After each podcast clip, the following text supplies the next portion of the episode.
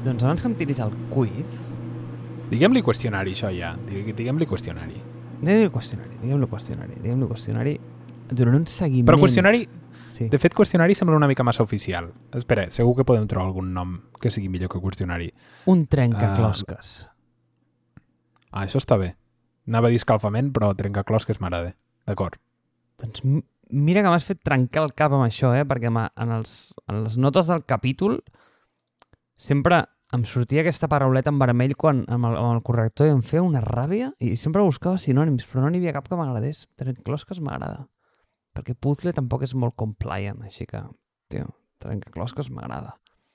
Pues en aquest ànim de seguiment del, del capítol anterior, on et parlava de que una de les coses que més orgullós em feia era veure aquells primers episodis de Safreig, i sé que no té res que veure amb el tema que volem tractar avui, aquesta espècie d'assaig sobre la privacitat, la meva recerca no ha estat tan reactiva i he anat a buscar com aquestes eh, fonts de privacitat i a veure sobre el tema de TikTok, que sé que també mm, tens alguns comentaris, sinó que més aviat ha estat totalment retrospectiva i m'he escoltat tots i cada un els capítols anteriors en els que parlem de privacitat i els he recopilat tots i els posarem a les notes del capítol si vols, que no són pocs. I deixa'm que et feliciti per diverses coses. Primer, perquè tu sones exactament igual de bé des del primer dia i això em fot una ràbia de l'hòstia. Bé, eh, perquè jo al principi, o sigui, de veritat, tio, sono com si m'estigués gravant amb una gralla. O sigui, és, és increïble. Bueno, és que, a veure, tenies el micro a tres pams. Recordo el primer capítol dient Marc, però, vull dir, estàs gravant o no? és que no se et veia ni el micro. I ara, quan m'escolto, és que, de veritat, eh? I, mira, eh, no, no tinc àvia actualment, la vaig tenir en el seu dia, però... Hòstia, és que sembla un autèntic locutor de ràdio, gràcies a tu, Ramon, és impressionant. Jo no sé quins filtres em poses, però, uau, em sento i dic, uau, Marc, tio, això sona profund. I una de les altres coses és que en l'únic capítol en, els que, en el que mantenim la nostra promesa és en el primer on diem que, vinga, va, Ramon, talla, que estem arribant a la marca dels 20. és una il·lusió que ens va durar literalment un capítol. Però avui parlem de privacitat, o no? Ai, a- avui m'agradaria fer la, com la última retro, no? Mirar endarrere i, i no mirar privacitat. Hem mirat moltes... Hem mirat la privacitat des de molts punts i realment parlem de privacitat no perquè sigui una cosa que sigui... Vull dir, és una cosa que està, que és present, és una cosa que, que molta gent en parla, és una cosa que està, que està sent legislada no? a la Unió Europea i a tot arreu. Però no, no per això és una cosa per la que en tinc o en tenim tant interès, sinó que jo veig la privacitat com aquest dret fonamental que ningú ens ha explicat que tenim i que estem perdent de manera repetida sense nosaltres adonar-nos-en. I, I penso que el millor cas, i n'hem parlat, eh? però és el Covid. Tot això em surt de rebre un missatge de salut dient-me ni que estiguis vacunat, intenta reduir les teves relacions socials i les teves interaccions socials amb gent. I aquí em van venir dues coses al cap. La primera és, si això ho apliquem a sempre, això es podrà donar sempre. És a dir, si ni que estiguem vacunats i la gent al voltant meu estem vacunats ens fa reduir la interacció social, quan s'acabarà això? Algun dia haurem de decidir que està bé, ja, i fem una cosa, ja que estiguem vacunats, uh, tirem-li. Perquè si no és que no acabarem mai, i no pararan de sortir variants. I o ens confinem tots o això no acabarà. I la segona és, Salut mai a la vida m'havia enviat un missatge. I ara tenen el meu número perquè jo els hi vaig donar. I jo els hi vaig donar perquè m'havia de vacunar. I aquesta petita cosa, per una cosa tan insignificant com si estàs vacunat o no, que evidentment eh, CatSalut ho sap i probablement el govern també ho sàpigui, em va, em va començar a obrir el cap a... No, el, el, la quantitat de dades que nosaltres donem, la quantitat de fotografies que nosaltres pengem, la quantitat de d'informació que nosaltres donem de manera voluntària, però a la vegada la quantitat de, de dades de manera involuntària que nosaltres estem donant o que es poden deduir de les dades que nosaltres hem donat que ens fan uns perfils psicològics brutals. I això fa que un dret fonamental com és l'alt de la privacitat estigui vulnerat de manera brutal a la tecnologia. I això és una mica el que parlàvem al capítol anterior, no? La, la, la... Com, com, com s'ha pervertit una indústria que era tan bonica per la gent de business que va, va dir, hòstia, i com paguem per tot això, no?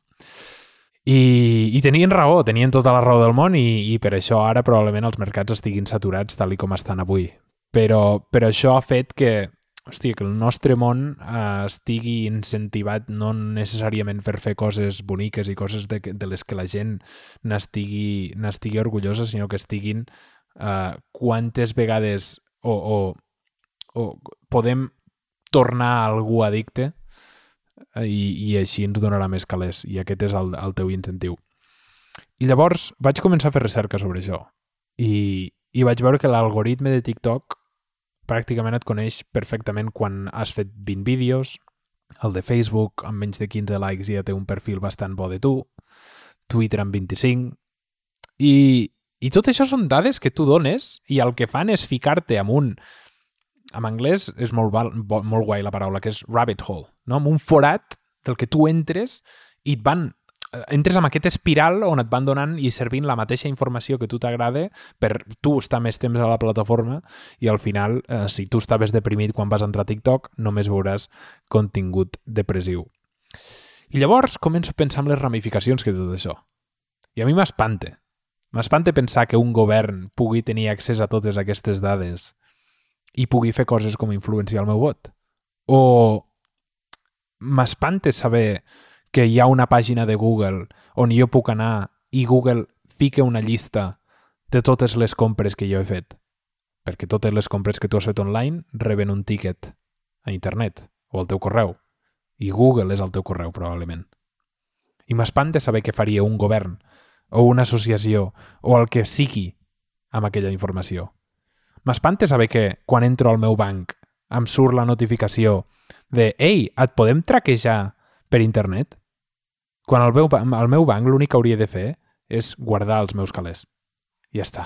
I tenir-los disponibles una vegada els necessiti. I m'espante veure com tots nosaltres, de manera voluntària, o probablement sense saber-ho, estem seguint a cegues el camí de la tecnologia i el camí, i el camí aquest tan bonic que ens han pintat perquè ens vam emocionar una vegada vam veure el Macintosh parlar, sense saber realment el que això vol dir. I sí que és veritat, no? Mires els termes de condicions, mires les polítiques de privacitat i tot això és infumable, o sigui, no, no, es pot, no es pot consumir tot això. I com que els incentius van en contra de que aquestes polítiques de privacitat siguin tan fàcils de fer servir com l'experiència de consumir, bueno, pues, uh, no? l'incentiu està en que tu facis una cosa que no vols fer. I tot i que la privacitat hauria de ser un valor i un dret fonamental, trobo que s'està fent servir com la moneda de canvi per tal de no pagar per als serveis online. I com a societat hem dit prefereixo això i prefereixo anar despullat pel carrer literalment a gastar-me diners amb això. I llavors a vegades penso, hòstia, tan bonica és la tecnologia. I això és el que... Aquesta, aquesta és la dicotomia que sento, no? Com, com hem arribat aquí, per què hem arribat aquí i per què nosaltres no la veiem com un dret fonamental. I per això l'única idea que jo volia treure és no vull parlar d'una cosa específica, no vull parlar de, de, no? d'una feature o d'una cosa que, que ha passat, és simplement què passaria si ara ens neguessin el dret a vot. bueno, vull dir, ha passat, no? Vull dir, després ens van pegar i tal, però bueno, és igual. Què passaria si ens neguessin el dret a sortir de casa? És que saps què passa? Que també ha passat. I què va passar? Res. Què passaria si et treguessin el dret a manifestació? Res. I veig com la societat té aquests incentius per retirar tots els drets que nosaltres tenim i nosaltres simplement, per bàsicament com estan ficades les jerarquies, sobretot d'aquest país, diem que sí amb el cap i ens quedem a casa tancats o portant mascareta o fent el que sigui, i hòstia, em fica profundament trist i preocupat. I I això és el que penso, és un problema només tecnològic o és un problema que nosaltres tenim com a societat? Però bé, això és... Si, si, si de cas volia fer un últim capítol sobre la privacitat dient que és una cosa molt més seriosa del que, del que sembla. I per això et volia fer un parell de preguntes. Segons estimacions, saps quin és el percentatge de persones que es diu que han sigut hackejades online? Això inclou el seu correu compromès? Mm. Uf, és que ha de ser barbàric. No ho sé, Ramon. És que no tinc... Mira, de la mateixa manera quan em preguntaves pels transistors del Mac, et sabia dir que allò estava en els cents o en els mils i tenia una escala aquí... Eh, és que crec que aquí em podria fer mal. Bueno, jo m'he quedat, jo quedat al·lucinat, eh? Del 20 al 50%. I en els últims anys, això són 4 o 5 anys, saps quantes contrasenyes han sigut robades? Que se sàpiguin, que han sortit després públicament els hackers o les companyies dient ei, ens han robat contrasenyes. Els últims anys, no sé quants anys són, però, però pocs, vull dir, des de que aquesta web que, que sé jo està operativa. Saps quantes són? És que aquest, i, i perdona que no et contesti la pregunta perquè no ho sé, però aquesta s'ha convertit en una conversa semblant a la dels casos de la Covid de la cinquena onada. És a dir, de dir, diu, és que ja... Eh, quants no s'estan reportant, saps? Són a, a, casos de la Covid en els últims any i mig, no?, que portem, són 196.133.045. Contrasenyes són 613.584.246. Més de mig bilió de contrasenyes. I sembla que, que no que en sigui igual. I això és només l'explotació de la contrasenya. Després hi ha totes les companyies que t'estan fent el perfil i estan agafant les teves dades i estan fent rotllo subprime, venent-les i, i etc. Què opines tu de tot això? Per aquest capítol, a part d'escoltar-me els anteriors, perquè m'agrada molt aquest capítol com a una consolidació d'altres temàtiques que hem anat tocant durant tot l'arc de safreig, no? És a dir, vam parlar del, de, de la Covid al principi, vam parlar de l'algoritme de TikTok més endavant, en altres ocasions hem estat parlant de privacitat eh, de manera més directa i més explícita. A mi el que m'ha donat molt que pensar és aquesta pregunta de per quin motiu això no ens importa? És a dir, per què no som sensibles a aquest problema? I en canvi d'altres, que són extremadament més banals, ens alteren, ens irriten i ens posem les mans al cap, no?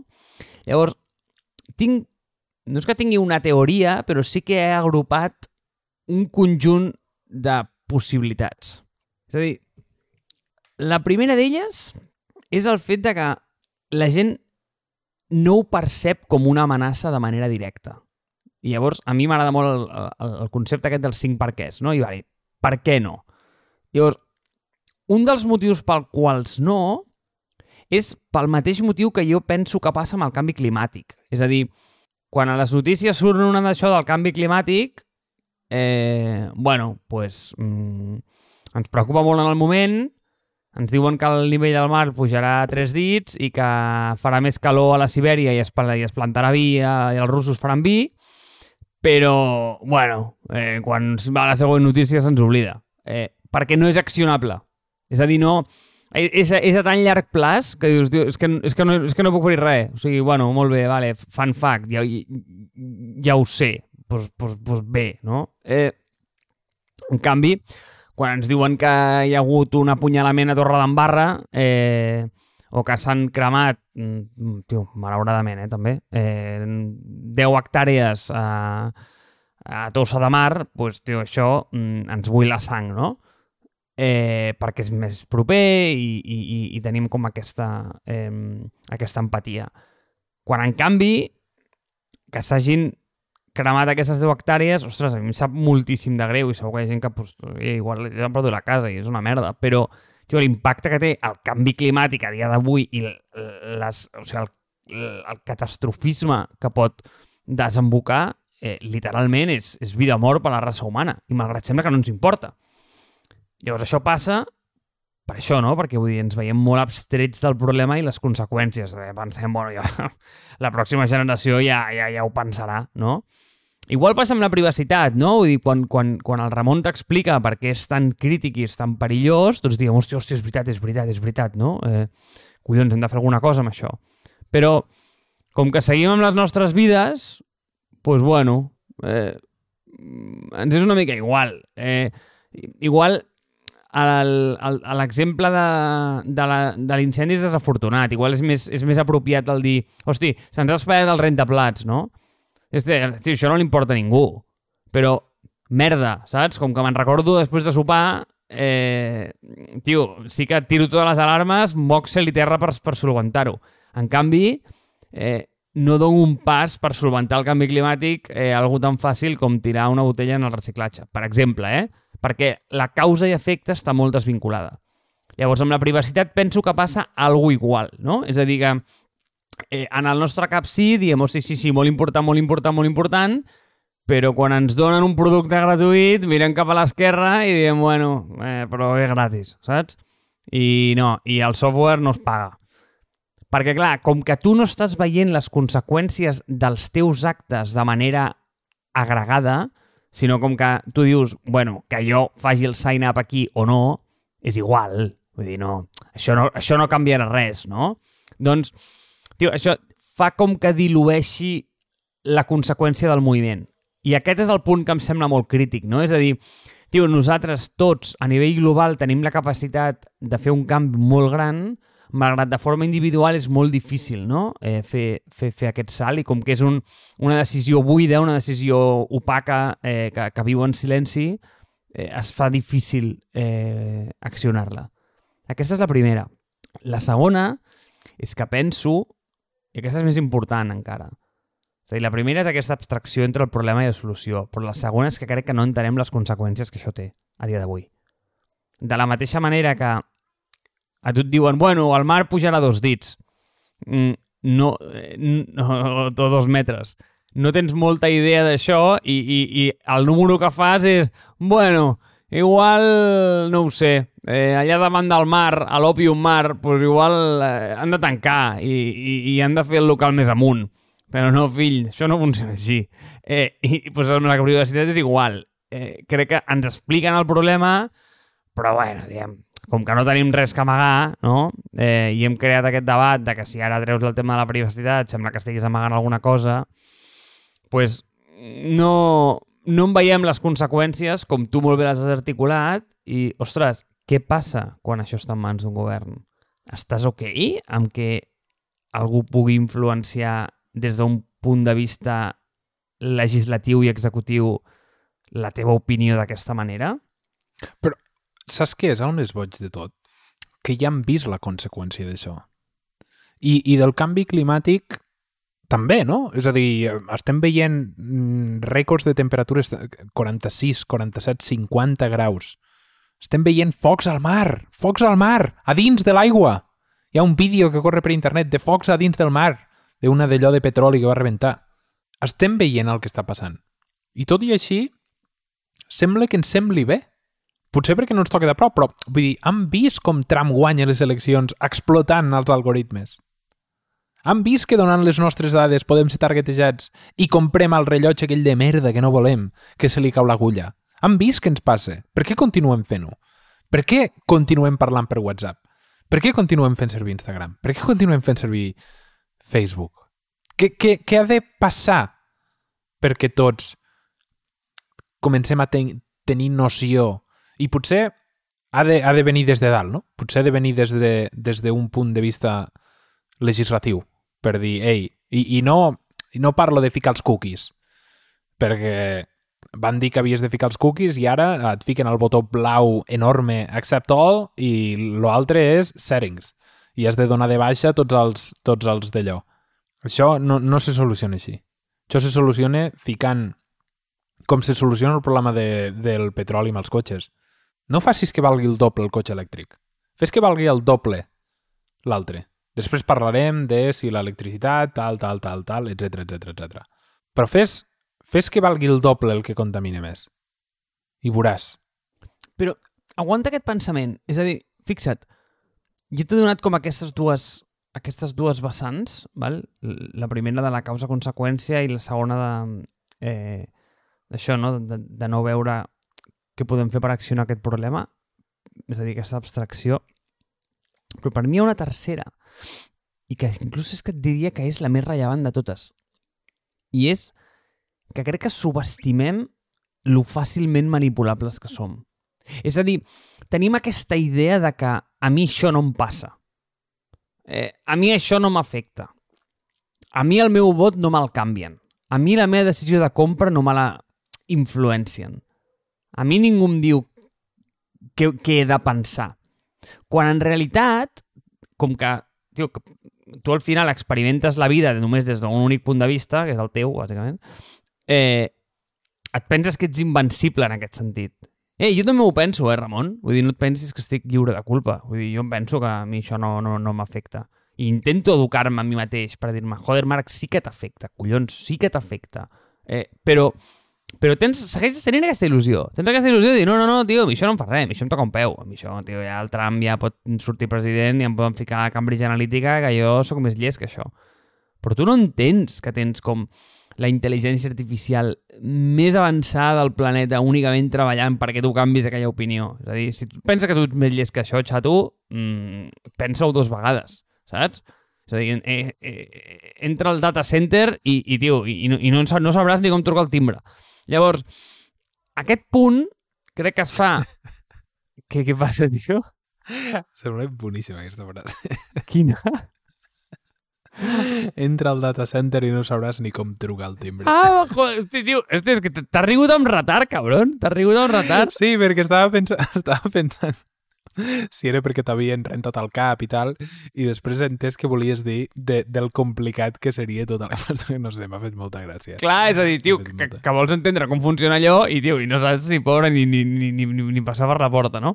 Però eh, m'agrada molt a on ho has portat tu perquè crec que d'alguna manera convergeix molt cap a aquestes tres idees. És a dir, perquè ja no és un punt de dir quan passarà, la pregunta crec que està mal frasejada així. M'agrada més com l'has fet tu, és, tio, què ha de passar?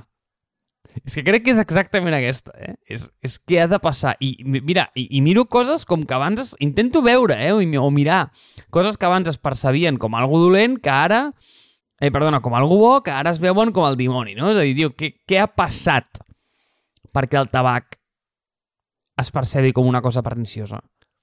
Què ha passat perquè el sucre passi a ser d'estar a dalt de tot de la piràmide mm, alimentària a ser com l'amenaça la, principal i una de les causes primàries d'obesitat eh, i enfermetats cardiovasculars. I jo crec que la privacitat està a aquest nivell, eh? És a dir, al, al nivell pandèmic. Llavors, el que passa és que no entenc molt bé què ha de passar més del que ja ha passat. És a dir, tio, encara o sigui, amb el, amb el tabac ja vam veure què, què significava càncer de pulmó. Amb el sucre ja hem vist què significa obesitat. Vale, I amb la privacitat ja hem vist què passa quan ens surten coses com Cambridge Analytica. Tio, per què seguim fent exactament el mateix? És que no ho entenc. Quan a més el cost d'oportunitat és tan petit perquè és que no és tan car, fill meu. O sigui, tio, paga un euro 99 per un servei de correu electrònic. Saps? No. Sí, dius que, tio, que, que, que, que, que no t'estan traient la vida. Vull dir que, que és assequible. Llavors no ho entenc. Eh, eh, aquí és on, eh, és on m'he quedat com bloquejat. És a dir, què necessitem més veure? Quins exemples més necessitem? El govern xinès? Necessites més que això? No sé. No, no, no sé. Un dels anuncis més que més impacte ha fet d'això que intenten fer aquestes campanyes de trànsit que penso que no serveixen de res és l'anunci de hem reduït els, els accidents des de, de, de, de l'any passat a aquest any de 500 a 100. Què et sembla? I li pregunten a la persona que està allà i diu, ah, molt bé. I diu, i, i si el reduíssim a 3? Oh, em semblaria brutal. I si fossin aquests 3? I els ensenya pues, la seva dona i els seus dos fills, o el seu marit i els seus dos fills. I llavors es fiquen a plorar i diuen no, hauria de ser zero. Zero hauria de ser el número. Quan són els altres tres, quan són els Estats Units, quan són Cambridge Analytica, quan és Facebook, que ja no ho fa servir, és molt fàcil dir... No? És, és com quan pegaven a la gent l'1 d'octubre, la gent cínica o la, la gent escèptica que deia només estan pegant a l'altra gent. O, o és molt fàcil dir, hòstia, que els joves només estan tirant pedres a Orquinaona i només l'estan liant. Quan realment són l'única gent que realment està lluitant per als drets fonamentals de manifestació. I és molt fàcil dir, no m'hi sento identificat, no m'interessa. Però és, és realment interessant quan t'hi veus tu i quan et passe a tu, que llavors fas aquell canvi de xip i dius no, és que les víctimes mortals a la carretera haurien de ser zero. I la col·lecció de dades massives que estan passant hauria de ser il·legal.